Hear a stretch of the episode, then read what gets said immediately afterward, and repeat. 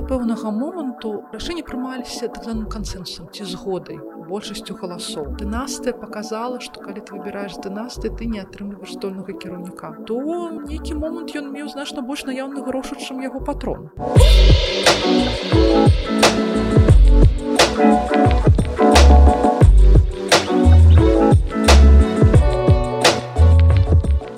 Добрый дзень шаноўнае гаспадарства з вами падкаст так склалася гістарычна і я дзягель Ганна. Рада вас сустрэць зноў на наших аўдыохвалях сёння у нас гость кандыдат гістарычных навук дацэнт скіп'ян Анастасія Анатольевна. Вітаю вас.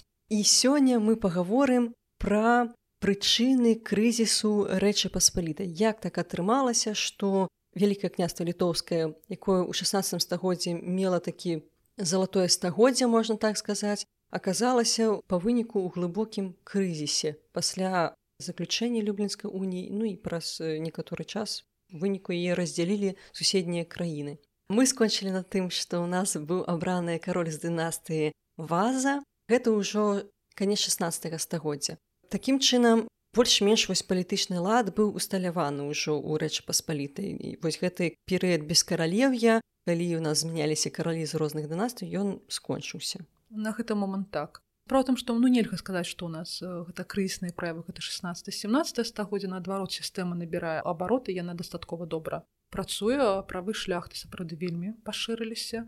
Так званы залатыя шляхецкія вольнасці так што яны сабе уяўлялі і рэгулявалася гэта рознымі заканадаўчымі актамі асобнымі каралёўскімі прывілеямі зразумела і статутам. Перша гэта канешне была перацярпімасці рэлігійная роўнасць. Якраз спачатку быў прыняты прывілі вялікім княстве літоўскім берасцейскі толькі потым падчаскай канфедэрацыі ўвайшоў ён у заканадаўчыя зборнікі пра тое што уся шляхта нягледзячы на сваё веравызнанне мае роўны доступ да ўсіх урадаў.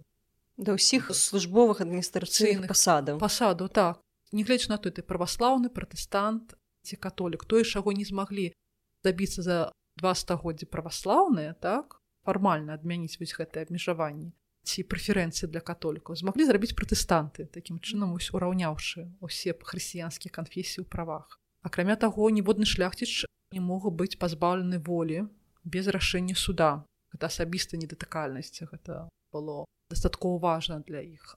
Потым шляхта мела права непакаранае так? То есть гэта не лічылася дзяржаўнай здрадай на ўзброенае выступленне супраць караля так званую канфедэрацыю ці рокаш калі кароль парушаў яе правы. Ну напрыклад пачынаў рэлігійны ціск ці абвясціў новы падатак ці нейкім чынам яшчэ вось гэта генрыхва артыкулу так і ці тое што было напісана ў заканадаўстве было парушана гэта было дастаткова для таго каб пачаць рух супраць караля і прымусіць яго да выканання закону за шляхты замацоўвалася выключнае права на зямельную ўласнасць. Ну зямельную ўласнасць мелі яшчэ гарады але мы маем на увазе у асійскай мясцовасці.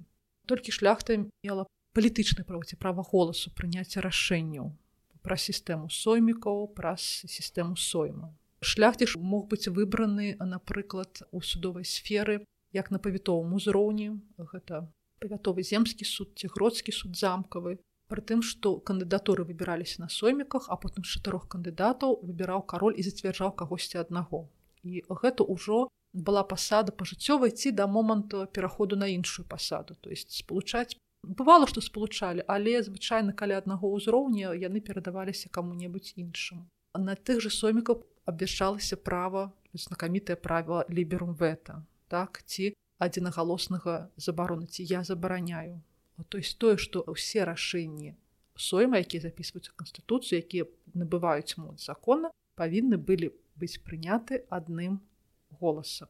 Ну то есть адзінагалосна без супярэчання нават адной асобы. Ну, так то бок як бы як мы казалі ў мінулы раз што гэта не проста каб усе дэпутаты тому что дэпутаты былі прадстаўнікамі павету гэта была гарантыя што ўся тэрыторыя дзяржавы усе паветы дзяржавы падтрымліваюць гэта рашэнне атрымліваецца так. Так і нягледж на тое ж насамрэч гэтае права існавала яшчэ спачатку 16 стагоддзя але да пэўнага моманту рашэнні прымаліся так званым кансенсусам ці згодай большасцю галасоў то есть так больш дэмакратычным шляхам. Але вось якраз да сярэдзіны 17 стагоддзя паступова паступова вось прыйшлі да замацавання ці да выкарыстання гэтага права ліберумбета якой як лічыць і лічылі і самі палітычныя дзеячы самой жа ж рэчы паспалітай і гісторыкі больш позняга часу стала адной з прычын заняпаду рэчы паспалітай прычынай таго што краіна перастала існаваць. Бо яе выкарыстанне прывяло да таго што рашэнні проста не прыймаліся і вось якраз мы можемм пагаварыць у тым ліку і пра гэта. Насамрэч прычынамі крысу было шмат. Гэта неудалая знешняя унутраная палітыка якая правакавала у нас рэлігійныя канфлікты якія правакавала грамадзянскія канфлікты так напрыклад знакамітая казацка-сялянская так званая вайна якая фактычна на гэтай тэрыторыі была грамадзянскай для беларусі. Таму что па рэлігійнаму прынцыпу маглі падзяліцца шляхта выступалася аднаго і з другога боку. І можна нават хутчэй нам сказаць брат на брата так? Таму што сяляне і мяшчане то есть удзельнічалі ўсе сацыяльныя слаі тым што яны удзельнічалі з абодвух бакоў. Да гэта дадаецца яшчэ у нас вайна з расійскай дзяржавай, якая паглыбляе, зразумела, любы ваенныя дзені нацягнуць з сабой эканамічны крызіс, яны цянуць з сабой дэмаграфічны крызіс. У гэты жа час пакацілася хваля эпідэмій. Чумы, якія прыйшлі тым ліку з рассіі гэта 54-55 гады, потым у 60-тые гады. І ўсё гэта ну, не найлепшым чынам адбіваецца на сітуацыю ў краіне. У выніку гэта спрыяла таму, што шляхта станавілася менш мастойнай у сваім паўсядзённым жыцці. Шляхта як і сяляне жыла з зямлі. Так пакуль ёсць сяляне, якія на яе працуюць, яны атрымліваюць прыбытак. І добры гаспадар ніколі не будзе прыцісняць сваіх сялян, таму што выціснуўшы ўсё з іх за два гады, ён нічога не атрымае праз 5. Таму добры гаспадар ён жыў уладзе, то есть за сваімі падданымі для таго, каб мець дадатковы прыбытак, то есть ён праводзіў некае рэфармаванне, ён сам укладаў нейкія грошы, ён быў зацікаўлены чым лепш жыве селянін тым лепш жыве пан. Але сітуацыя склалася такім чынам што ў нас гэтай землі абезлюдзілі то есть няма каму працаваць на зямле шмат насельніцтва загінула выехала пераехала іх і так далей. Значится шлях ж застаецца без сродку да існавання.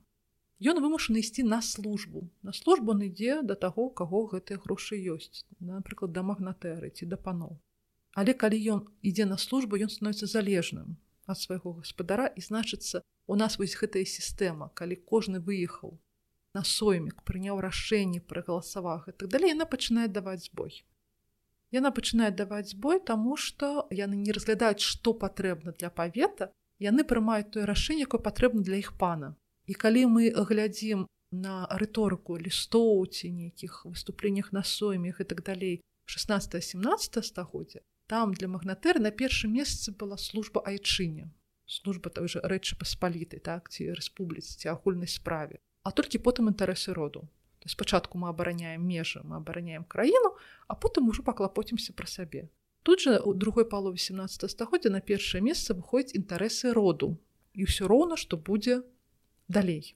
Да таго ж вось дзякуючы вось гэтым як бы зменам улады.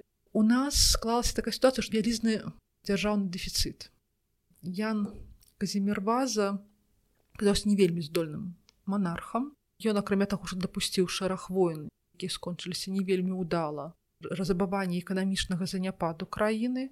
Ён у выніку расцэньваў усе тыя скарбы, якія назапасілі яго продкі і таксама я і дзяржаўны скарб як свой уласны і распараджаўся ім адпаведна. І апошнім момантам як бы апошняй такой кропкай стала тое што ён заклаў карнацыйныя каштоўнасці і грошы фактычна пусціў на ўласныя патрэбы а не на патрэбы дзяржавы і вот збег такіх абставін розных прычын то есть фактычна яго абвінавацелю крадзяжы як звычайнага злачынцу злодзе які залез у гэты скар дарэчам мы не маем карнацыйных каштоўнасцяў напрыклад за 16-17 стагоддзя таму што яны былі прададзены пераплаўлены. Гэта стала адной з прычын таго, што гэта адзіны выпадак у гісторыі рэч паспаліць вялікае княства літоўскага, што манар быў звергнуты ці яму быў абвешаны бы вотум недаверу ён быў пазбаўлены сваёй пасады і быў вымушаны разам з сваёй сям'ёй выехаць за межы рэч паспаліта ён скучу жыць ва францыі.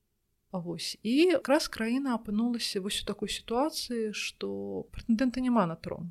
Што рабіць далей? дынастыя показала что калі ты выбираешь дынасты ты не атрымліваешь здольнага кіраўніка что наколькі паспяховым палітыкам быў яго бацька і умоўна кажучы яго брат то наколькі неудалымі сваімі дзеянні можна загнаць краіну ў крызіс? Ну так часам прырода адпачывае. Вось і было вырашана перайсці вось да традыцыі вярнуцца да традыцыі выбарных каралёў але пажадана арыентавацца ўжо на мясцовых ураджэнцаў не прыцягваючы ні габсбургаў ні французскіх там напрыклад расійскіх кандыдатаў. І вось настае эпоха якраз выбарных каралёў міхала вішневецкага яна сабескага але зноў жа для таго каб утрымацца на троне яны павінны былі б шукаць падтрымкі тых хто меў зямлю хто меў уладу. Акрамя таго супраць яна сабескага выступае вельмі моцныя палітычныя сілы на тэрыторыі вялікае княства літоўскага і за ўвесь час свайго кіравання ён ніводнага разу не быў на гэтай тэрыторыі. Увесь час перашкаджалі прымаць нейкія рашэнні. У выніку вось гэтая сістэма. Кароль прызначае урадніка ураднік разбірае напрыклад судовыя справы так прымае рашэнні і так далее і так далее яна аказалася зламанай. Сомікі выставляюць сваю кандатуру яны збіраюць так а далей механізм прыняцця рашэння парушаецца. У 1669 годзе нас першы раз быў сарваны сойм. Мы ведаем што гэта было спрэчна пытанне вельмі часто узгадваюць у нас іншую дату 1652 год ці выпадак з янам сіцынскім. І тут якраз мы вось павінны паразмаўляць пра гэты палітычныя ці прававыя калізіі.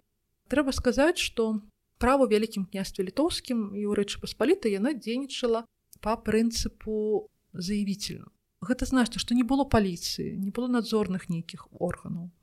Калі злачынства ажыццявілася калі хтосьці абвясціў пра гэта ці звярнуўся ў суд тады прызначаецца следства і ідзе пакаранне. Калі ніхто не абвясціў значыцца ўсё добра жывуць у тых абставінах якія склаліся. Тое самае і соймам.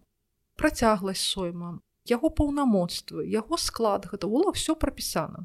Гэта было рэгламентавана і ніводны соем не мог працягвацца больш за 6 тыдняў ён складаўся як мы памятаем з двух частак гэта сенат то есть гэта міністры ці тыя людзі якія адказваюць за паўсядзённую дзейнасць краіны гэта канцлеры падскарбі кетманы якія адказваюць за вайсковыя справы маршалкі дворны які адказваюцца функцыянаванне двара монархах і так далей воеводы якія адказваюць за тэрытарыяльныя адзінкі за іх абароназдольнасцях так далей кашталяны якія кіруюць найбольш значнымі такімі замкамі напрыклад сталічнымі так яны складаюць сенат. То есть гэта пажыццёвыя такія ганаровыя урады кіруючы mm -hmm. так і ёсць у нас пасольская ізба якая складаецца з яна мяняецца на кожным сойме складаецца па два паслы ад кожнага павет ну, адсюль і пасольская ізба так? Вось калі ён злучаюцца ўсе разам з каралём вось тры стана монарх сенат і пасольская ізба яны прымаюць рашэнні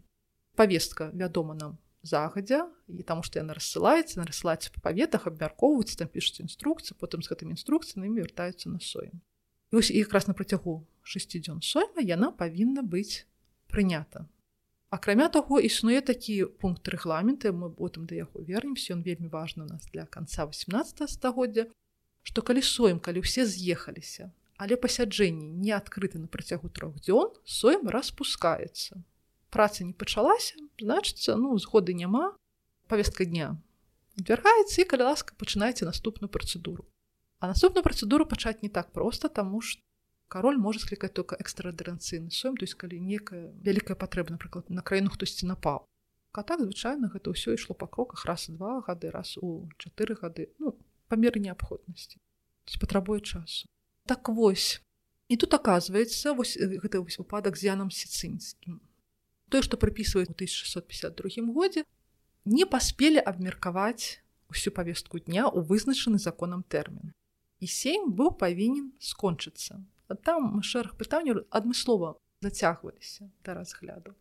Вось і тады, калі пачалі патрабаваць, каб заседалі і далей і далей, Ян устаў і сказаў, што я не згодны.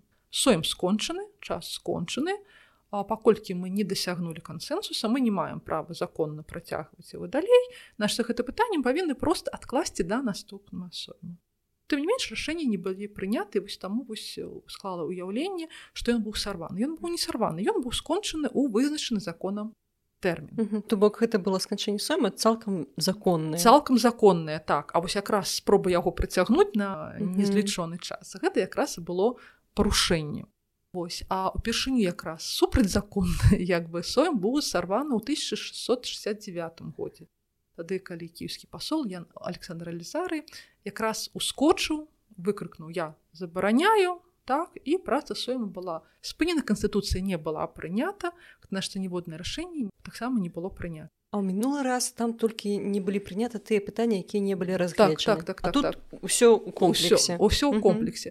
Гэта значыцца што ўсё пытанне не вырашана і вось такім чынам пачынаюць зрывацца соем за соймам сом за сойму у тым ліку не разглядаюцца пытанні прызначэння судовых ураднікаў на месцах нельга вырашыць спрэчныя пытанні а шляхта вымушаны звяртацца да апеляцыйнага суда справа тым што яшчэ ў 80 гады ў 1581-82 годах быў створаны вышэйшы апеляцыйны шляхецкі Мгм. суд.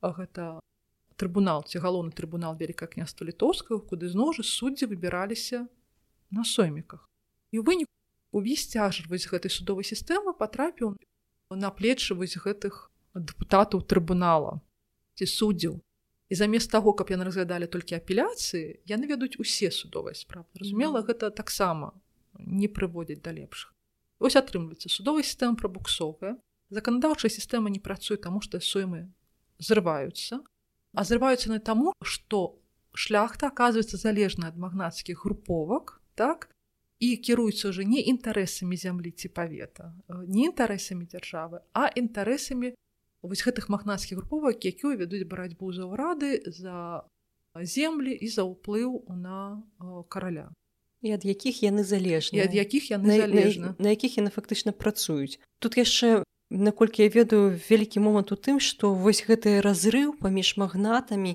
і нават сярэдняй шляхтай ён быў вельмі вельмі вялікі Ну пакуль нармальна працавала эканоміка, пакуль яны маглі атрымліваць прыбытак з зямлі, гэта не было настолькі скажем так важна, то есть кожны жыў у сваёй нішы.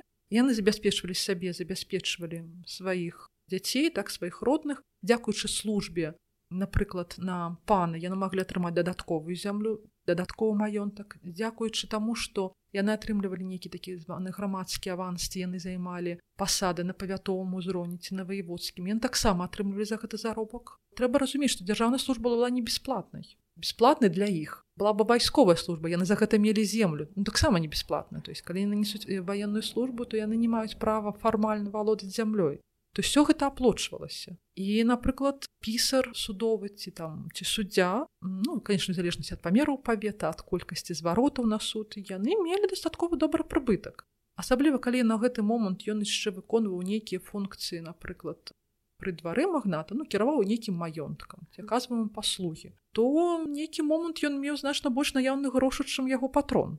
Ён даваў магчымасць чым лепш ты служыш чым больш ты актыўны палітычны чым больш ты актыўны ці добры спецыяліст тым больш ты атрымліваеш А вось якраз вось гэты эканамічны крыз вельмі ударыў па гэтай сістэме а немагчымасць адсутнасць манарха зрывы соймаў парывае гэты ланцужок э, магчымасці заняцця прыстойнай пасады атрымання ўжо як бы грошы з гэтага ўраду і гэта ўсё ў выніку прыводзіць да разумення таго што так далей жыць нельга фарміруюць розныя палітычныя парты супрацьстаяння паміж якімі прыводзь да грамадзянскай вайны ў канцы 17 стагоддзя якраз як бы крышышку суцішэння барацьбы магнацкіх груповак але вынікам яе становіцца актыўнае мяшальніцтва суседніх краін ужо ва ўнутранай справы таму што сваімі сіламі справіцца яны не маглі яны актыўна пачынаюць прыцягваць знешнепалітычных саюзнікаў першую чаргу суседзяў так гэта Росія гэта Прусіі вынікам становіцца уцягванне краіны спачатку ў паўночную вайну а потым і нарастанне прысутнасці замежнай палітыкі ну, праз грошы пасней там праз вайсковую прысутнасць на тэрыторыі рэчы паспаліты і паглыбленне вось гэтага палітычнага крызісу. Ну і сканчэнне гэтай гісторыі мы ведаем. На жаль гэтая дзяржава перастала існаваць Дзякуй вялікі Анастасія за расповед было вельмі цікава. Хочацца, каб нашыя падкасты ў наступны раз заскончваліся больш аптымістычна. Але аптымістычная гісторыя сённяшняй нашай тэмы ў тым, што ўсё ж такі нягледзячы ні на што, сістэма некаторы час працавала. Так сапраўды сістэма была добра прадуманая. Калі б людзі былі зацікаўлены ў дабрабыце дзяржавы, яна магчыма бы наадварот узнесла на больш высокі ўзровень.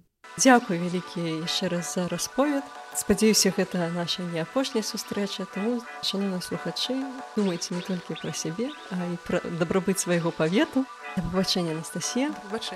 А я нагадваю вам, што ў нас ёсць соцсеткі, у нас падкаст нашы ён размешчаны на ўсіх папулярных платформах. Я яшчэ раз вельмі вельмі дзякую нашим патронам на платформе Патreon. Мне вельмі прыемна бачыць вашу падтрымку.